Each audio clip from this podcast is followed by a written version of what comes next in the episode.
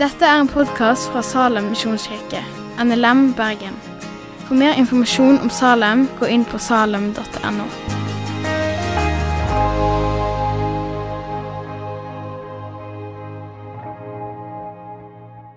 Dagens tekst og det vi skal ta utgangspunkt i da, det er fra Kolosserne 3, 12-13. Og Der står det Dere er Guds utvalgte, hellige og elskede. Ikle dere da inderlig barmhjertighet, godhet, ydmykhet, beskjedenhet og tålmodighet, så dere tåler hverandre og tilgir hverandre dersom en skulle ha noe å anklage en annen for. For like som Kristus har tilgitt oss, skal dere tilgi hverandre. Så det er et tema for eh, denne andakten. Slik Kristus har tilgitt oss, skal vi tilgi hverandre. Eh, Jesus, jeg takker deg for at, eh, for at jeg får lov til å dele litt ord. Jeg ber om at det skal være dine ord som peker på deg, og ikke peker på meg. Jesus. Og jeg ber om at jeg skal få lov til å ja, være et vitne for deg. Jeg takker deg, far, for at din ånd han går med oss, og han rører i alle menneskers hjerte. Jeg bare ber om at du skal komme med din kraft og din åpenbaring, og visdomsånd over salen og over folket. Jeg takker deg, far, for at eh, du er god. Yes. Har du noen gang blitt skikkelig såra? Sånn skikkelig på dypet? Det har jeg. Når jeg, på, når jeg var 16, så flytta jeg til en internatskole på KS Lyngdal så flytta jeg fra alt det som var trygt og, og godt fra mamma og pappa og fra venner. Og så flytta jeg til en eh, ny plass som ikke hadde vært så mye før. Ikke kjente noen folk. Og så dro jeg der helt, helt alene. Og så begynte jeg på en, eh, på en, idrettslinje.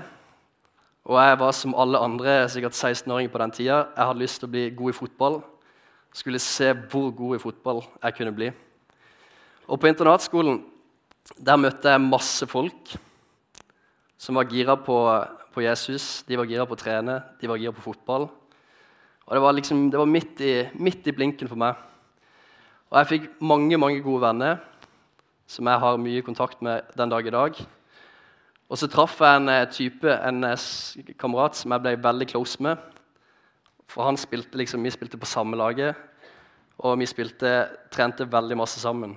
Så vi ble fort veldig gode venner, og vi delte ekstremt mye av livet sammen. Vi sykla opp til trening sammen, vi hadde smågrupper sammen, vi hadde på en måte treningene sammen og på vei hjem fra trening sammen. Turer til bortekamper og turer til hjemmekamper og alt som var. Vi var sykt close. Og han her typen han var ekstremt populær. Han var et par år eldre enn meg. Sykt populær. Og han var kanskje den beste fotballspilleren på den idrettslinja. Og han hadde liksom, det var alle, alle så opp til han, og alle likte å være med han. Og På vinteren det året i første klasse så begynte jeg å spille fotball mer og mer sammen med han på A-laget i Lyngdal. Og så eh, var vi veldig gode venner, vi hadde tett kontakt. Men etter hvert så opplevde jeg at eh, vennskapet vårt det begynte på en måte å, å rakne, sakte, men sikkert. For han begynte å, å snakke drit til meg på trening. Og det ble etter trening på vei hjem. Og så begynte han på en måte å takle meg stygt, helt unødvendig, helt uprovosert. Og så begynte han på en måte å, å rotte seg mot meg. Og så var han sykt flink med folk. Han var sykt flink med, med de som på en måte var i felles gjeng med. Og så følte jeg at han fikk alle mot meg. Så han gikk etter meg, og han skulle ta meg.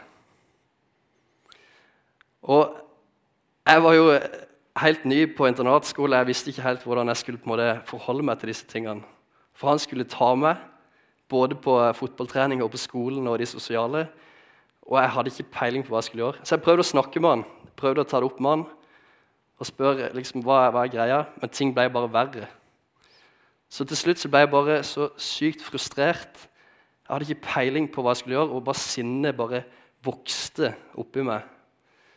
Så en dag jeg var på, på rommet på skolen, så var jeg så frustrert og sint at jeg bare tok skapdøra som var på rommet, jeg bare tok og slo det jeg kunne. Flere ganger så slo jeg hull i skapdøra For jeg var så frustrert, jeg var så sinna. Jeg hadde ikke peiling på hvordan jeg skulle håndtere det eller reagere i møte med det. Og jeg tror alle oss som sitter her, tror alle oss har opplevd å bli skikkelig såra, som på dypet. Sånn at det er forferdelig å se den personen i øynene. Det er helt forferdelig. Du vil bare unngå det for alt det er verdt. Og alle som har blitt skikkelig såra, de sitter med en sånn følelse at noe er nødt til å bli gjort. Et eller annet er nødt til å bli gjort. Noen er nødt til å få svi for dette. Noen er nødt til å lide for at ting skal bli bra, eller for at man skal få en slags følelse av rettferdighet. Så eh, er det noen her inne som har opplevd ekstremt mye verre ting enn det jeg har opplevd. Som bare tenker til meg du har ikke peiling på de tingene jeg har opplevd. Du vet ikke hva som skjedde for fem år siden. Du har ikke peiling. Og jeg har ikke peiling. Og jeg vet at det er ekstremt mange her som har opplevd alvorlige tillitsbrudd som dere aldri tror kommer til å bli bra igjen. Og dere, dere tror sikkert at det har skjedd en urett som, som ikke har noen løsning, som aldri kommer til å bli bra igjen. Og når en har blitt skikkelig såra, så vet han at det er, det er, grusomt. Det er helt forferdelig. Og en har den der følelsen at noe, noe må skje for at ting skal bli rettferdig. Noen er nødt til å lide for at ting skal bli rettferdig. Og en kan ikke deale med seriøs urettferdighet uten gjennom lidelse. Tenk litt på den. En kan ikke deale med seriøs urettferdighet uten å lide. Og I møte med en sånn situasjon som, stå, som jeg står oppe i da, så har du to valg. Du kan prøve å ta hevn. Du kan prøve å få den andre personen til å lide gjennom å gå etter han, gjennom å svare med samme mynt. Og det sies at hevnen, den, den er søt. Og det er veldig ofte vår første respons når noen har såra oss, det er å ta hevn. Det, skjer, det er bare sånn Ja, jeg skal ta igjen. Så skal jeg få oppnå en slags rettferdighet. Og Da får en det ofte litt bedre med seg sjøl hvis en prøver å ta hevn. Og Hvis vi tar hevn, så fører ofte det til en vond spiral jeg tar hevn på han, og så tar han hevn på meg. Og så fortsetter bare ondskapen på den måten der. Så det er det ene valget i møte med urettferdighet. Du kan ta hevn, og mest sannsynlig så kommer du til å føle, du til å føle deg litt bedre. Eller så kan du velge å lide sjøl. Det er det andre. Enten skal du få han andre til å lide, eller så kan du velge å lide sjøl. Og det kan du gjøre på to måter. Du kan velge å bare late som det ikke har skjedd. Du bare feier det litt vekk. Du prøver å ikke forholde deg til det. Og Det er en veldig vanlig respons i møte med urett, at du prøver å ignorere det som har skjedd. Men da vet man at hvis, hvis man har opplevd vonde ting, så vet man at den uretten som skjedde, den, den forsvinner ikke. Den ligger der. Og det utvikler seg fra sinne til kanskje til frustrasjon, og på sikt til bitterhet.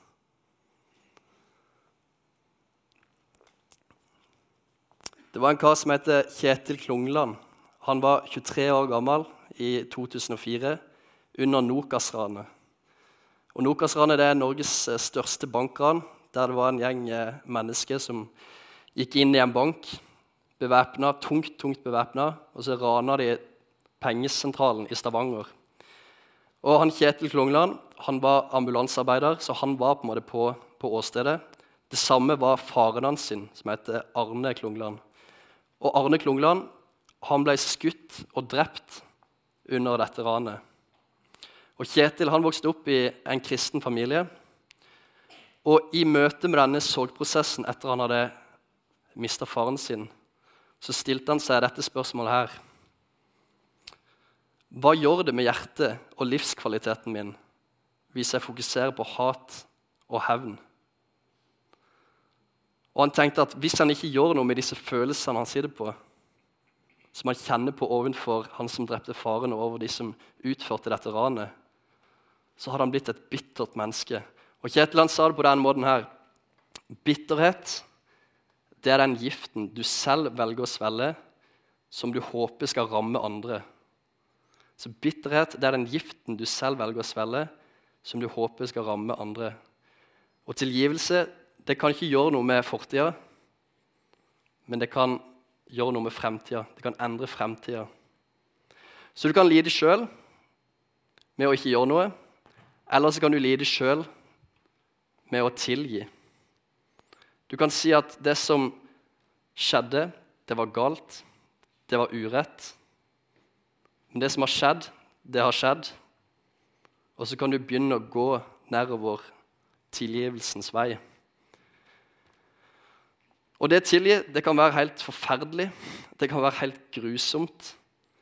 Men uansett hvilken vei du velger, om du velger å ta hevn, eller om du velger å ikke gjøre noe, eller om du velger å tilgi, så kan du ikke deale med urett og urettferdighet uten å lide.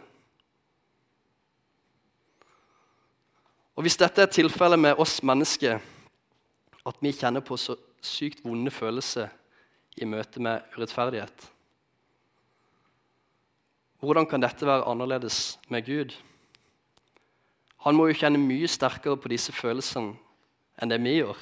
For det står i første Mosebok at han har skapt oss i sitt bilde. At Gud har blåst sin ånd inn i oss. Og vi er skapt til å ligne Gud, med et avbilde av Gud i oss. Så Gud må jo kjenne mye sterkere på disse følelsene når vi begår urett mot hverandre.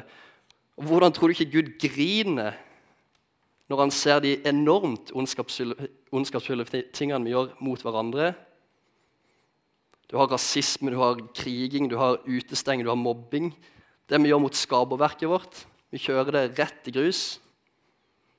Det vi gjør mot verden, all den urettferdigheten og ujevne fordelinga. Og det vi gjør mot Gud, og misbruker hans navn. Hvordan tror du ikke hans hjerte bare, bare griner når han ser den urettferdigheten? Så hvordan kan, hvordan kan, Gud forholde seg til det her? Hvordan kan han bare, bare tilgi? Han kan ikke det.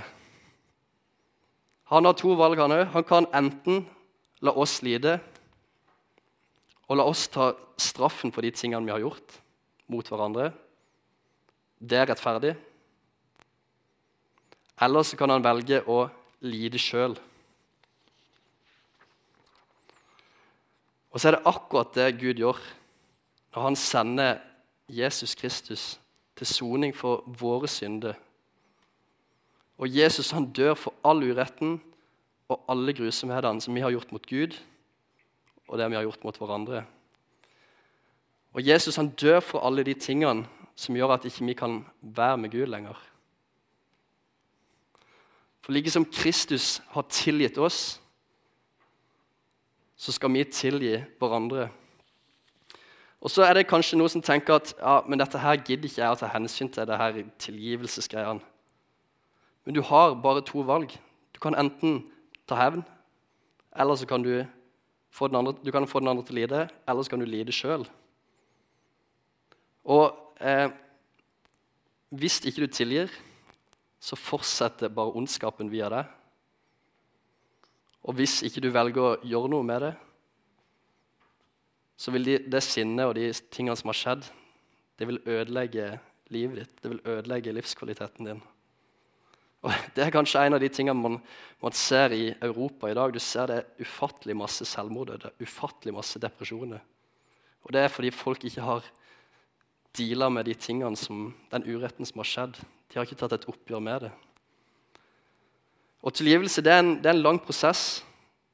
Det er ikke noe sånn quick fix som du bare fikser med en gang. Du bare ja, kan gjøre det på en dag. Det kan ta år, og det kan være forferdelig.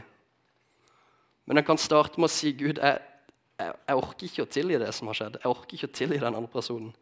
Men kan du hjelpe meg? For du, du sier ditt ord at vi skal tilgi liksom Kristus har tilgitt oss. Og etter hvert som man ønsker å tilgi, så vil det hatet og det sinnet vi kjenner på, det vil etter hvert slippe taket. Og etter hvert så vil man kanskje få fred på innsida.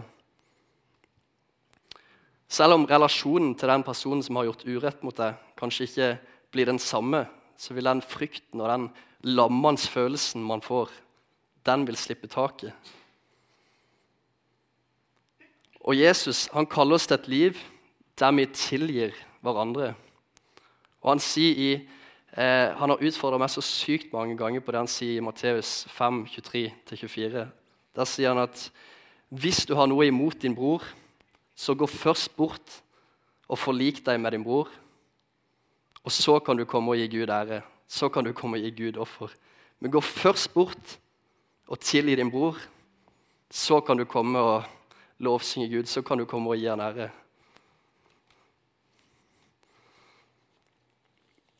Og Litt seinere i bergprekene så sier han, eh, når han lærer disiplene opp i hvordan de skal på en måte forholde seg til liv og forholde seg til Gud, så lærer han de Fader vår.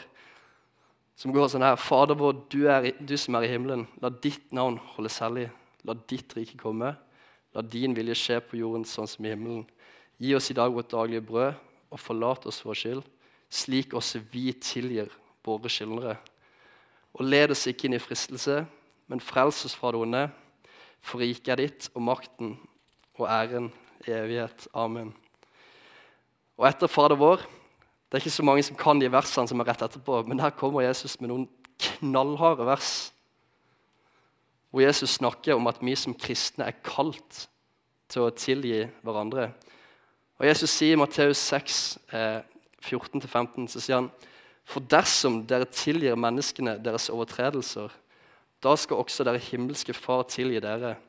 Men om dere ikke tilgir menneskene deres overtredelser, da skal heller ikke Far tilgi det dere har forbrutt. Og det er, det er knallharde ord. Men Jesus han kaller oss til å leve oppgjorte liv. Han kaller oss til å tilgi. Og så tror jeg det er ekstremt mange her inne som har sinnssykt mange sår på innsida som ikke man har deala med. Som kanskje har blitt til sinne, som på sikt vil bli til bitterhet. Så som trenger å bli tatt et oppgjør med. Og så som Gud lengter etter å lege og gjenopprette. Og Jesus han sier i Matteus 11,28 han sier, 'Kom til meg, alle dere som strever og har tungt å bære, og jeg vil gi dere hvile.' Så sier han, 'Ta mitt åk på dere.' Nei, ta, lær av mitt åk, og lær av meg. Og hva er Jesu åk? Jo, det er jo de tingene Jesus sier. Det er jo Jesus sin vei. Og en av de tingene som Jesus sier og utfordrer oss så sykt sterkt på, det er å leve oppgjorte liv det er å leve liv der vi tilgir vår neste. Og Videre i Johannes 8 så sier Jesus at dersom dere blir i mine ord, dersom dere lever etter min vei, så skal sannheten frigjøre dere. Og dere skal bli virkelig fri. Og Det er en av de tingene jeg tror vi trenger i Kristen-Norge. Vi trenger at Gud kommer inn i de tingene som er sårt, de tingene som har blitt til frustrasjon og til bitterhet. Og så kommer han med sin kraft med den tilgivende kraften og bare setter folk i frihet. Og vi trenger det så vanvittig sårt. Fordi at det er så mange mennesker som, som lider i dag pga. at ikke man ikke tar et oppgjør med den bitterheten som eier oss. Og så utfordrer Jesus oss på å tilgi akkurat som Kristus har tilgitt oss. Så utfordrer han oss på å tilgi hverandre. Så ta og benytt muligheten nå under forbønn etterpå til å sette ord på disse tingene overfor de som ber, eller overfor en venn som du stoler på. Eller ta og gjør sånn som det står om i Salme 139, ransak ditt hjerte og se hva som ligger der. For der er det mye drit. Så ransak ditt hjerte, så vil det dukke opp sykt mange folk man trenger å ta et oppgjør med, trenger å tilgi. Og Det er kanskje en av de viktigste tingene pappa har lært meg. Det at du kan, gjøre, du kan kjøre på, du kan gjøre masse greier, men gjør opp etter det. Og Jeg har gått på så mange smeller, jeg har gjort så mye dumme ting. Og en av, jeg var I syvende klasse så gjorde jeg en skikkelig tabbe. Jeg var inne på et bedehus som skulle legges ned, og jeg var rundt og herja, og det ble hærverk og det ble knuste speil. Pappa han tvingte meg til å gå liksom på døra til de som var i ledelsen der, de som var pastorer der. Så tyngte han meg til å gå der, og han hadde kjøpt en bukett med blomster som jeg måtte betale for. Og så skulle jeg gå og gjøre opp for meg. Jeg skulle gå og gjøre opp. Og det er så utrolig takknemlig for i dag. Men jeg syns fortsatt disse tingene med tilgivelse er vanskelig. Og For å lande den historien som jeg begynte på i stad, så var det ikke sånn at jeg hadde noe ønske om å tilgi han personen som hadde fryst meg ut, som hadde gått etter meg. Jeg hadde ikke et ønske om å, å gjøre det, for det jeg, som, jeg hadde ikke gjort noe mot han. Det var han som hadde såra meg. Jeg hadde ingen målsetning om å ta det første steget. Men så opplevde jeg på den veien at hvis ikke jeg gjorde noe med det, så kom det her sinnet mitt til å bare ødelegge for meg. Det ville ikke gå utover han, men det kom til å ødelegge meg. Så jeg gikk og tok en prat om disse tingene, og vi fikk bedt hverandre om tilgivelse så var det ikke sånn at denne relasjonen bare ble fiksa sånn. Vi klarte å forholde oss til hverandre, og jeg klarer liksom å se han i øynene i dag. Jeg klarer å gi han en klem, og vi klarer å le sammen, og vi har det kjekt sammen. Så tenker jeg bare på Tenk hvordan, hvordan verden kunne vært i dag hvis vi hadde levd på Jesu ord om å tilgi hverandre. Tenk på alle de ødelagte relasjonene, alle de ødelagte familiene, alle de skilsmissene, alle de krigene og alt som kunne vært, vi kunne vært foruten. Hvis vi hadde levd på Jesu ord om å tilgi hverandre og vende oss til Han, nei, tilgi hverandre, og så vende oss til Han og gi Gud ære. Det er så mange ting vi kunne vært foruten. Og Da kunne vi stoppe all den ondskapen som sprer seg, bare fordi at vi skal ta hevn på hverandre. Og En dag sa Gud lova at han skal ta et oppgjør med denne urettferdigheten. At det ikke skal være mer sorg og ikke mer skrik og ikke mer smerte. Men mens vi er på jorda her, mens vi venter på Jesus, så kaller Jesus oss til å leve oppgjorte liv. Der vi tilgir hverandre og tilgir vår neste. Like som Kristus har tilgitt oss, så skal vi tilgi hverandre. Kjære far, jeg takker deg for at du valgte tilgivelsens vei. Jeg takker deg for at det du gjorde for oss, det var et bilde på hvordan vi kan bringe tilgivelse videre og forsoning videre til mennesker rundt oss. Herre, jeg ber om at du skal gi oss mot jeg ber om at du skal gi oss kraft til å begynne å gå tilgivelsens vei. Sånn at vi kan få fred med deg, Gud, og sånn at vi kan få fred med, med, med mennesker rundt oss. Amen. Takk for at du har hørt på podkasten fra Salem, Bergen. I Salem vil vi vinne, bevare, utruste og sende, til Guds ære. Vi ønsker å se mennesker finne fellesskap, møte Jesus og bli disippelgjort her i Bergen og i resten av verden. Vil du vite mer om oss, gå inn på salem.no.